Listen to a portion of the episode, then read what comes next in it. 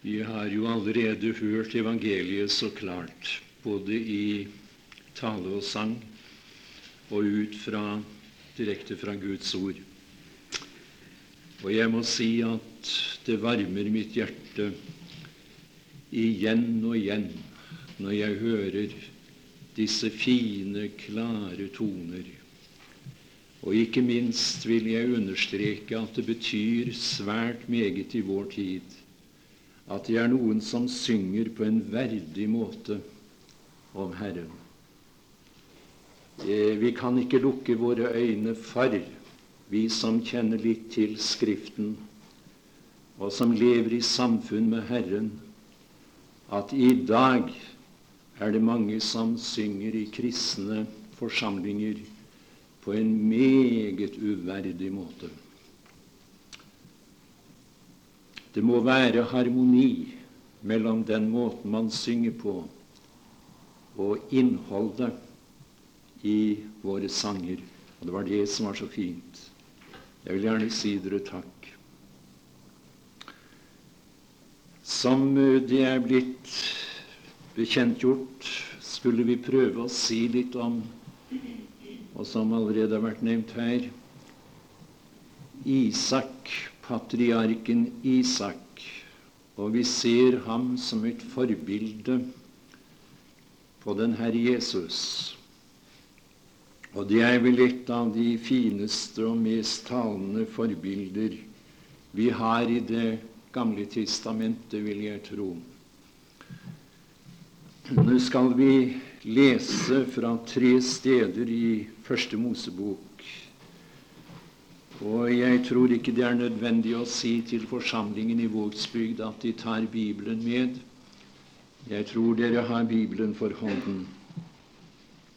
Første Mosebok, kapittel 17. Og vi leser der fra det 15. vers i Jesu navn. Og Gud sa til Abraham, Sarai, din hustru skal du ikke lenger kalle Sarai. Sara skal være hennes navn. Og jeg vil velsigne henne, og jeg vil gi deg en sønn også med henne. Ja, jeg vil velsigne henne, og hun skal bli til mange folk. Konger over folkeslag skal fremgå av henne. Da falt Abraham på sitt ansikt og glo, og han sa ved seg selv Skulle en som er hundre år gammel, få barn, og skulle Sara, som er 90 år gammel, føde? Og Abraham sa til Gud, måtte bare Ismail få leve for ditt åsyn. Da sa Gud, Sannelig, Sara, din hustru, skal føde deg en sønn, og du skal kalle ham Isak. Og jeg vil opprette min pakt med ham, en evig pakt for hans ett efter ham. Og Ismail, også om ham har jeg hørt din bønn. Se, jeg vil velsigne ham og gjøre ham fruktbar og gi ham en såre tallrik ett. Tolv høvdinger skal han bli far til, og jeg vil gjøre ham til et stort folk. Men min pakt vil jeg opprette med Isak, som Sara skal føde deg på denne tid neste år. Så holdt han opp å tale med ham. Og Gud for opp igjen fra Abraham. Og så noen vers fra det 18. kapittel. Vi leser deg fra vers 10. Da sa han, Jeg vil komme igjen til deg på denne tid neste år, og da skal Sara, din hustru, ha en sønn og Sara hørte det i teltdøren, for den var bak ham. Men Abraham og Sara var gamle og langt ut i årene. Sara hadde det ikke lenger på kvinners vis.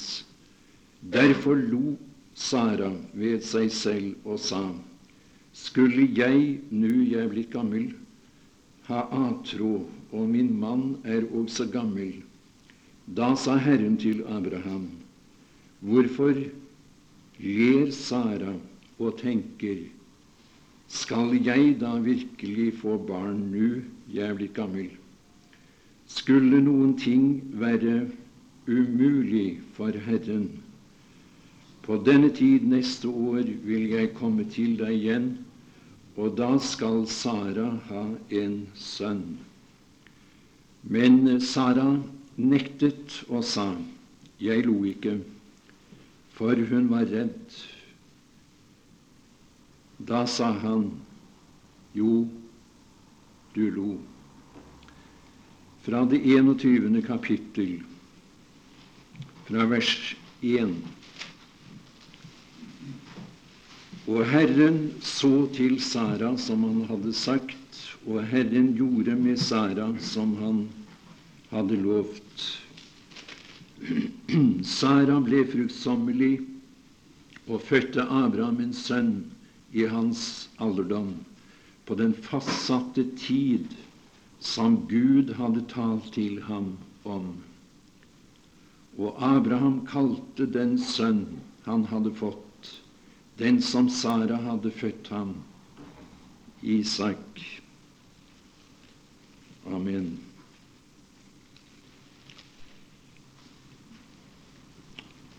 Det er eh, visstnok eh, holdt for å være god teologi i dag at man eh, at man regner med det såkalte religiøs-etiske stoff i Skriften. De er inspirert av Gud. Det som for øvrig har med historie, geografi, geologi, astronomi osv. Det er ikke Gud-inspirert tale. Vi hører det igjen og igjen i våre dager. La meg få lov å understreke, før vi nå går videre i våre betraktninger, at jeg er av dem som tror Bibelen er Guds ord. Ikke bare inneholder Guds ord, men jeg understreker hele Skriften fra Første Mosebok og til uh, Åpenbaringens bok, til det siste verset der. Det er er Guds ord.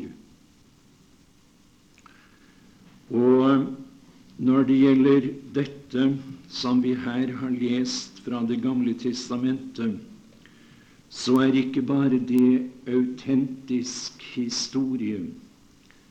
Men uh, Skriften sier det ligger en dypere mening under disse fine beretningene i Det gamle testamentet. Jeg synes det er som å gå omkring i en, en, i en helligdom, eller la meg si det slik gå omkring i et billedgalleri når jeg leser Mosebøkene, til eksempel. Jeg ser her skygger, typer, forbilder på de nytestamentlige sannhetene. Og disse beretningene de er med å kaste lys over det jeg i dag har fått del i i den Herre Jesus. Jo, vi må alltid gå til Skriften, Det gamle testamentet, med det for øye. Vi finner Kristus overalt. Han finnes, jeg gjentar, over det hele i Guds ord.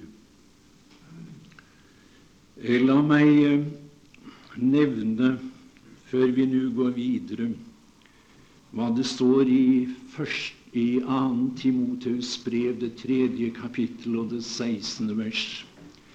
Vi skal ta tid til å slå opp og lese det verset.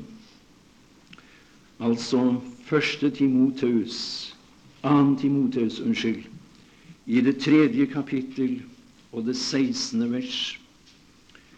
Den hele Skrift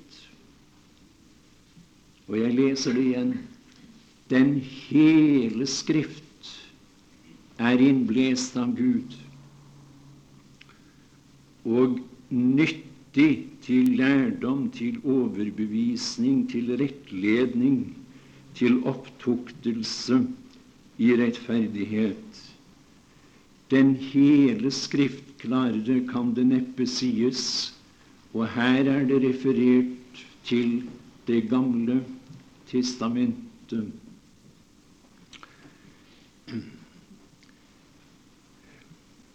Det som særlig vil oppta våre tanker i dag, det er Isaks fødsel. Og det var det vi leste om fra disse tre stedene fra Første Mosebok. Isaks fødsel. Eh, vi hørte her La meg ta med det. Og jeg syns det var veldig fint at du, Føreland, nevnte nettopp det ordet. Alt som før er skrevet, det er skrevet oss. Og jeg har streket under det lille ordet 'oss'. Det gjelder menigheten. Det gjelder de frelste i denne tids husholdning. De som lever her fra pinsefestens dag til menighetens opprykkelse finner sted. Det er skrevet oss. Ikke Israel. Jo da. Men det er skrevet oss. Det er det apostelen sier, inspirert av Guds ånd, til lærdom. For at vi skal ha håp ved det tålmod og den trøst som Skriftene gir.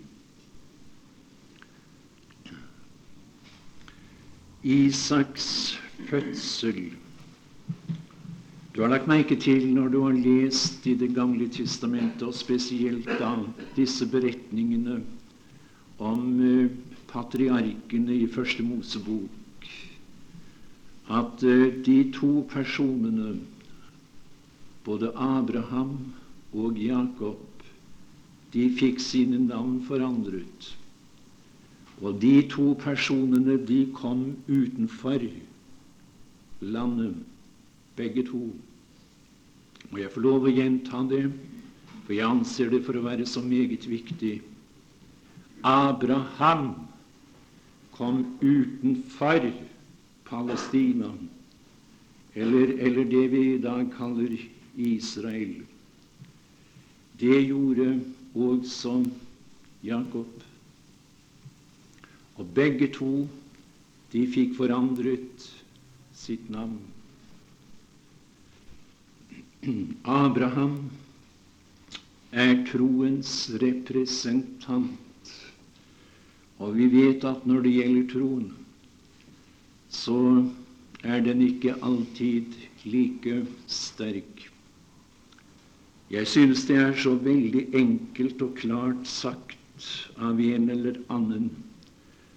Du kan ha en sterk tro på en svak bro. Og det går galt, gjerne.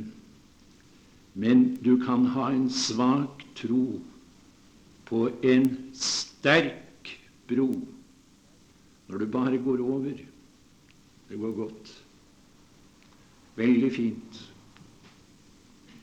Jo da, med troen kan det variere. Og det er likedan når det gjelder Jakob, som står for den troendes vandring, den troendes erfaringer i denne verden. Våre erfaringer er forskjellige. Det sier Skriften, og det viser vår erfaring. Det er neppe to av oss som er til stede i dette møtet, som har hatt og har nøyaktig samme erfaringer som troende. Det svinger her. Det er akkurat som et barometeret. Det stiger, og det faller. Slik er det når det gjelder en troendes vandring, en troendes erfaring i denne verden. Der er noen i dag som må lide. De må lide for Kristi navns skyld. Lide fordi de bekjenner Ham her på jorden. Jeg hørte for en tid tilbake om en gutt. Han ble det man kaller mobbet på skolen i den grad Ja, ikke bare mobbet, men han ble trakassert i den utstrekning at de la ham ned og hoppet opp på brystkassen hans. Han kom til legen. Han ville til å begynne med ikke si hva årsaken var til disse voldsomme smerter han hadde over brystet eller i brystet. Men omsider kom det. Jeg bekjente den Herre Jesu navn. Jeg er frelst. Var en gutt. Jeg vet ikke om han var i sjette, syvende klasse. Jeg er frelst i kraft av den død Kristus døde på Golgata kors. Det er dette som er forkynnelsens dårskap, som vi hørte. Jo da, det er de også i vårt land, mine tilhørere, som må lide fordi de bekjenner Ham. Og jeg har mange ganger kjent skamrødmen over mitt ansikt fordi jeg ikke løftet ham høyere enn jeg gjorde. Har du? Jo da, det er forskjellig når det gjelder erfaring. Det er noen troende som er syke. Jeg har møtt noen av dem. Jeg fant dem liggende på sykeseng. De hadde store smerter. Akkurat i eftermiddag gikk min tanke noen år tilbake, nokså mange år for øvrig. Jeg satt ved en ung kvinnes sykeseng oppe i Sunnhordland. Jeg var ung, hun var uh, rundt 30 år, led av tuberkulose i sterk grad. Så sier jeg til denne kvinnen hun var en trone. Det ville være godt om Gud grep inn og gjorde dem frisk. Og da sier hun det får bli som Gud vil. Det får bli som Gud vil. Jeg er interessert i at Hans vilje skal skje i mitt liv. Og det bærer nok hjemover, du, sa hun. Ja, Gud tok henne hjem ganske kort tid etterpå. Det får bli som Gud vil. Det er lett å stå her og tale om det. Én ting er i hvert fall helt på det rene for mitt vedkommende. Det er ofte i eller på de mørke veistrekninger i livet man lærer å bli fortrolig med Guds vilje er det beste. Jakob vil huske det. Det er vandringen, erfaringene, som en troende gjør i denne verden. Men hva så med Isak? Isak fikk aldri sitt navn forandret. Jeg formoder at du har lagt merke til det når du har lest om denne personen i Det gamle testamentet. Aldri fikk Isak et annet navn. Isak kom aldri utenfor landets grenser. Han ble i landet. Og Isak avspeiler Vil du notere deg også det, og det er for øvrig meget viktig. Sønneforholdet, den troendes sønneforhold. Og når det gjelder sønneforholdet, da er det slik, sier Bibelen, det er stabilt. Hør nå. Vi er sønner i kraft av vår stilling i Ham, i himmelen, i Kristus. Jeg kan ikke komme nærmere inn på det nå, men la meg bare få lov å understreke det er ingen forandring der. Det er ingen omskiftelse der. Det varierer ikke der, sånn som det gjør i denne verden. Det er stillingen som har reddet meg gjennom alle disse årene jeg har fått levet med Herren. Stillingen. Du er i Ham, i Kristus. Du er sønn, og det er du for alltid. Forandres ikke der. Det er godt, det. Skal tro om det er noen som kanskje i denne aftensstund kunne se det, erkjenne det. Da fikk du et fast holdepunkt i ditt liv. Var det ikke slik at en dag følte du deg frelst og regnet med at du var det? Og den neste dag så var det som om du hang i en brent tro over selve fortapelsen. Nei da. Jeg erklærer meg enig når det er en sanger som uttrykker seg på denne måten. Også i livets mørkeste stund kan bli mørkt gjelder der oppe nådens forbund. Det står med det samme der. Det står med det samme der.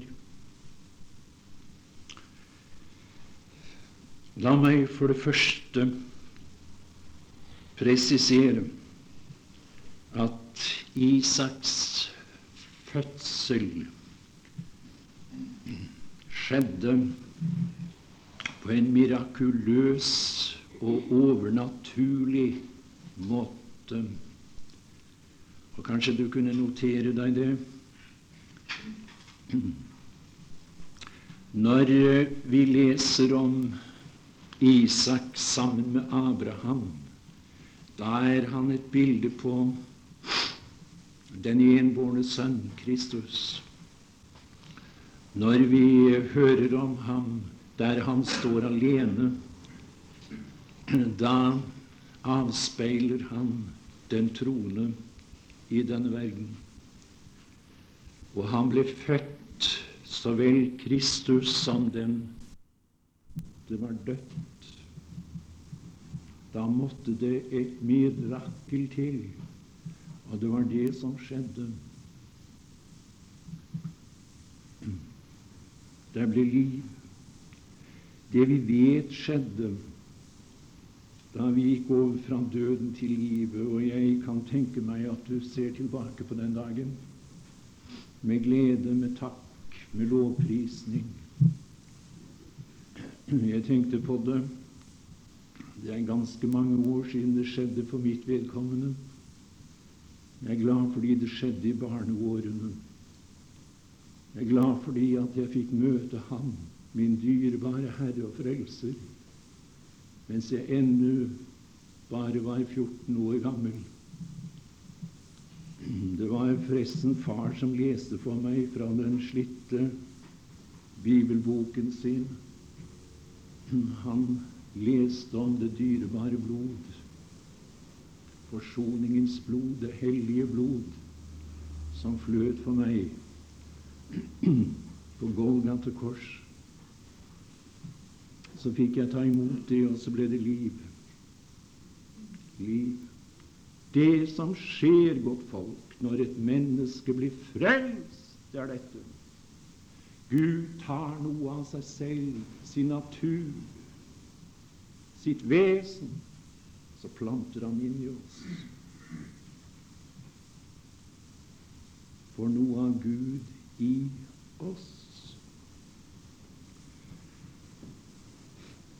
Og I Johans evangelium, det første kapittel og det tolvte og trettende vers, et sted som vi akter å komme tilbake til senere i denne uken hvis vi får være samlet her.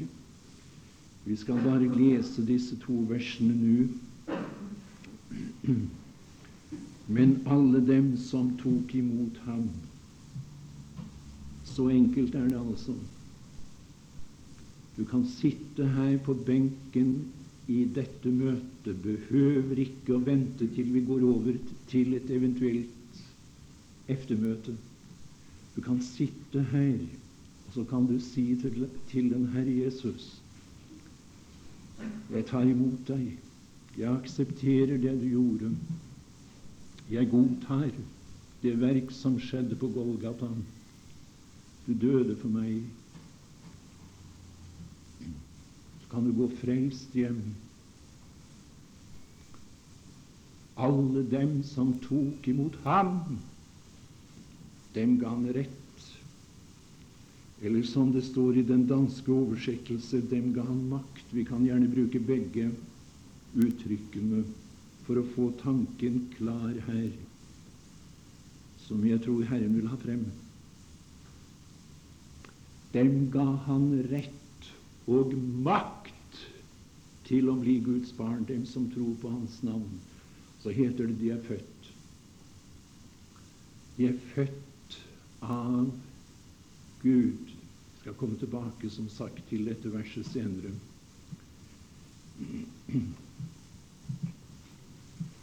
Hvordan skjer det? Ja, vi vet meget om det ut fra Guds ord, selv om vi ikke kan gi en, eh, en uttømmende forklaring på det. Og vi skal lese vi skal lese litt igjen i Galaterbrevet i det tredje kapittel. Galaterbrevets fjerde kapittel Unnskyld. Der står det i det, i det 28. vers Men vi brødre er løftets barn. Det skjedde i kraft av løftet og Den hellige ånd at Isak ble født. Ingenting er umulig for Gud. Ingenting het det her, som vi leste. Men vi brødre er løftets barn. Abraham hadde fått et løfte, hadde fått et ord fra Gud, og det holdt han fast ved. Og det var det løftet som brakte frem nytt liv i Abrahams hus. Men vi brødre er løftets barn, like som Isak. Men like som den gang han som var født etter kjødet, forfulgte ham som var født etter ånden, således og nu. Jo, han ble født efter ånden, og han ble født ved løftet Isak. La oss høre hva Skriften sier om den nye fødsel. Og vi leser da i eh, Jakobs brev, det første kapittel, og der i det 18. vers Efter sin vilje har Han født oss ved sannhetsord. Det var et løfte det var et ord, det var noe jeg hørte. Og da jeg aksepterte det jeg hørte, ble det liv. Det sprang liv i meg. Eh, efter sin vilje har Han født oss ved sannhetsord, for at vi skulle være en førstegrøde av Hans skapninger. Det kunne kanskje være noen som stilte det spørsmål Kunne ikke Gud gjøre det på en annen måte? Ja, jeg skal ikke prøve å begrense Gud, og være langt fra. Gud er suveren. Han formår alt. Ingenting er umulig for ham, som jeg allerede har nevnt. Men la oss se litt på det verset igjen. Og da leser vi efter sin vilje har han født oss ved sannhetsord. Det var med andre ord Guds vilje at det skulle skje på den måten. De skulle høre noe. De skulle høre evangeliet. De skulle høre at Hans Guds elskelige sønn døde på et kors. Og så skulle det bli liv. Ja, det er sånn det foregår. Og akkurat nå ser jeg for meg en mann borte på Karmøy, på Langåker, for noen år siden, som satt i et møte. Jeg var kommet midtveis i min preken. Og så sier han Nå ser jeg det. Nå ser jeg det. Nå må dere be. Nå må dere takke. Tenk om det var noen i dette møtet. Det har vært min bønn, og jeg vet det har vært deres bønn her i Vågsbygd. Det kunne være noen som sier 'Jeg ser det. Han døde for meg'. Ikke det at du har kunnskap om at han døde for verden han grov, men at du kan si 'han døde for meg'. På det nevnte møtet avbrøt jeg naturligvis min preken, og så var det på kne. Jeg skulle ønske det kunne skje her. Så, vi fikk begynne å takke fordi det var en som gikk over fra døden til livet. Et mirakel skjedde. Det største mirakel som kan skje i denne verden. For øye på ham, den Herre Jesus. Vi skal videre lese fra første Peters brev, og der i det første kapittel og det 23. vers spesielt. Første Peters brev, det første kapittel, vers 23.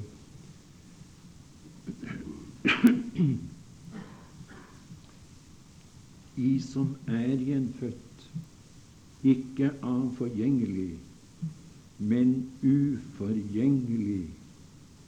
Og det ordet finner du tre ganger i dette kapittel. Det er tale om at vi er gjenløst, forløst, ikke med forgjengelige ting i det 18. vers.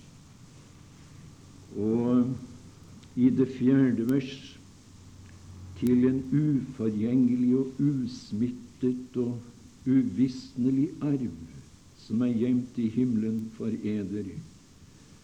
Ikke forgjengelig. Det er uforgjengelig, det Gud gjør. Har du sett det? Erkjent det? Uh, I som er gjenfødt, ikke er forgjengelig, men uforgjengelig sæd ved Guds ord som lever og blir. Og er ikke det er ikke det logisk? Uforgjengelig sæd frembringer uforgjengelig liv. Og det er sant, det som vi sang i min ungdom så ofte. Et liv jeg nu eier som aldri kan dø, for Kristus det evige liv tok plass i mitt hjerte som spirende frø, har oppreist mitt nedbrutte siv. Jo, det Gud gjør, mine tilhørere, det gjør Han grundig. Det holder. Det bærer. Ingen kan rokke ved det. Er du født på ny, du kan bli det her og nå. Du kan vende dine øyne bort fra, fra predikanten, bort fra de andre. Du kan vende dine øyne mot ham, den Herre Jesus.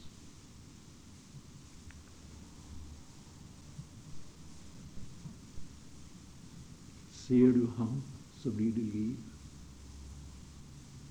Jo, det skjedde et under med Isak, og det skjedde ved løftet, ved Den hellige ånd. I denne forbindelse sto det så levende for meg da jeg forberedte meg til dette møtet, noe som skjedde oppe ved bergenskanten for noen år siden. Jeg fikk lov å være med i en vekkelse der. Da jeg kom til stedet, så var det så underlig. Indremisjonsformannen møtte meg på kaien. Og vi hadde ikke gått mange skrittene opp der. Så sier han, 'Jeg må gjøre deg oppmerksom på at her er det et meget vanskelig sted.' Her er det ikke bare så at de uomvendte ikke kommer til våre møter, men det er meget vanskelig å samle de troende. Gud ville det imidlertid annerledes. Vi hadde ikke hatt mange møtene. Så var det fullsatt hus. Det var fullsatt også på galleriet. Og jeg husker at den samme mannen, han sa til meg Merkelig, sa han. Her er folk i møtene som vi aldri har sett innenfor bedehusets vegger. Men så var vi kommet til søndag. Det ble liksom avslutning da. Man regnet med at møteserien var over. Vi sitter inne i stuen der, i dette hjem. Vi har, vi har drukket en kopp te, spist et smørbrød. Så banker det på ytterdøren.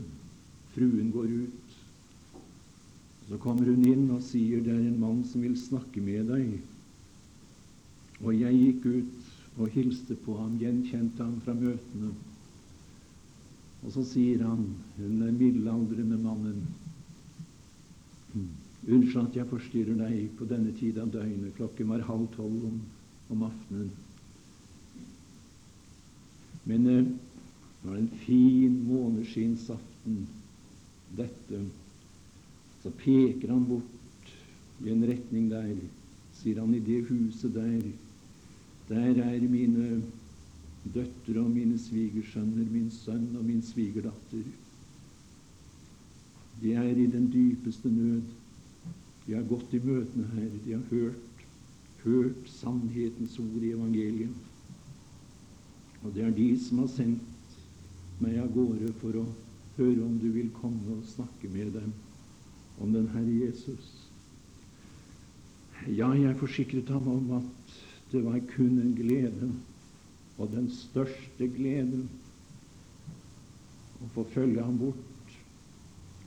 Jeg skulle unnt dere å sett da disse seks menneskene, tre ekteparene, i begynnelsen av 30-årene, lå på sine kne der. Og så sa de, 'Kan du hjelpe oss? Kan du hjelpe oss?'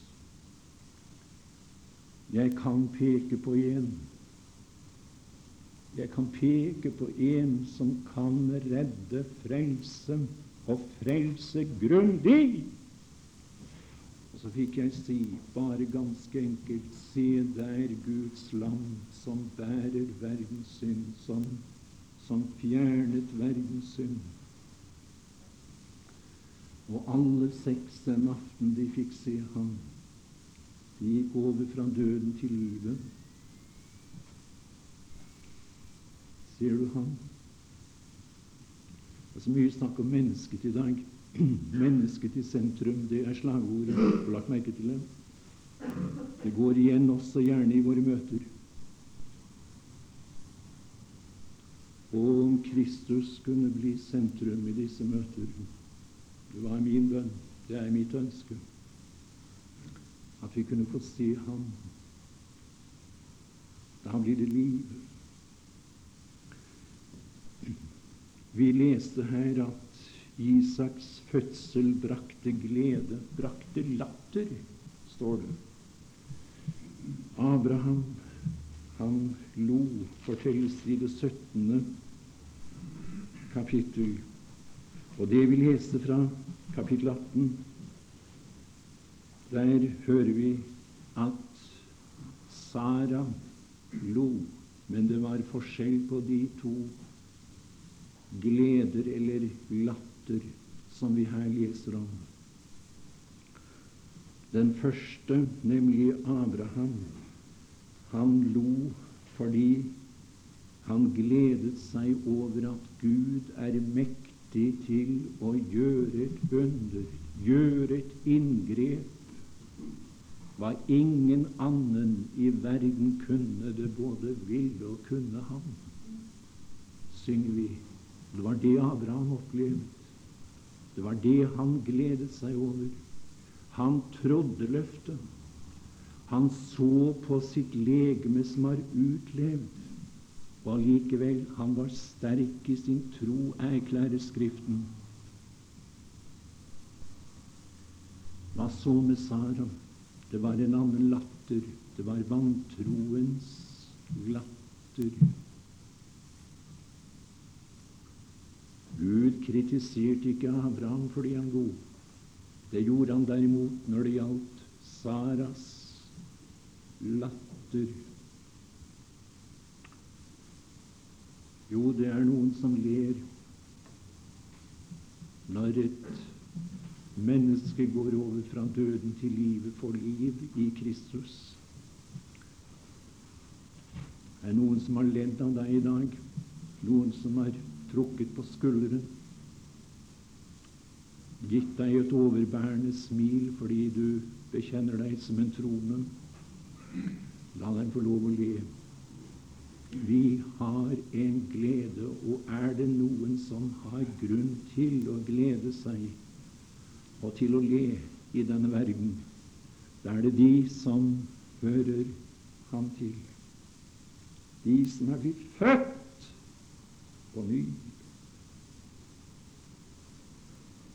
Vi skal prøve å gå videre i morgenaften, men vil du ta med deg disse tankene og være innstilt på å høre litt mer om Isak og hans historie? Spesielt skal vi betrakte ham som forbilde. Vi takker deg, vår Gud og Fader, fordi du i din nåde en gang bøyde deg ned til oss, så mange som hører deg til. Vi takker deg fordi du gikk efter oss, du kalte på oss. Vi hadde ikke tanke på dette, men du hadde tanker om oss til fred. Og jeg takker deg, Herre, at du vant meg i mine unge år. Skulle ønsket, og du vet vi har snakket med deg om det, at det var noen her av de unge i som kunne finne veien til våre møter og oppleve å få et møte med deg, se deg, motta deg, tro evangeliet. Du vet om hvert hjem som er representert i dette møtet. Herre, du ser hjemmene rundt om i Vågsbygd. Vi takker deg at du har en forunderlig evne til å finne vei inn til hjertene, og vi ber deg i ditt dyrebare og hellige navn Gå omkring og forstyrr sjelene. Vekk dem. Kall frem et ord som de kanskje hørte for år tilbake, som kan bli dem til frelse og redning. Vi takker deg for den høye og verdige stilling vi har som sønn, i likhet med Isak i Faderhuset.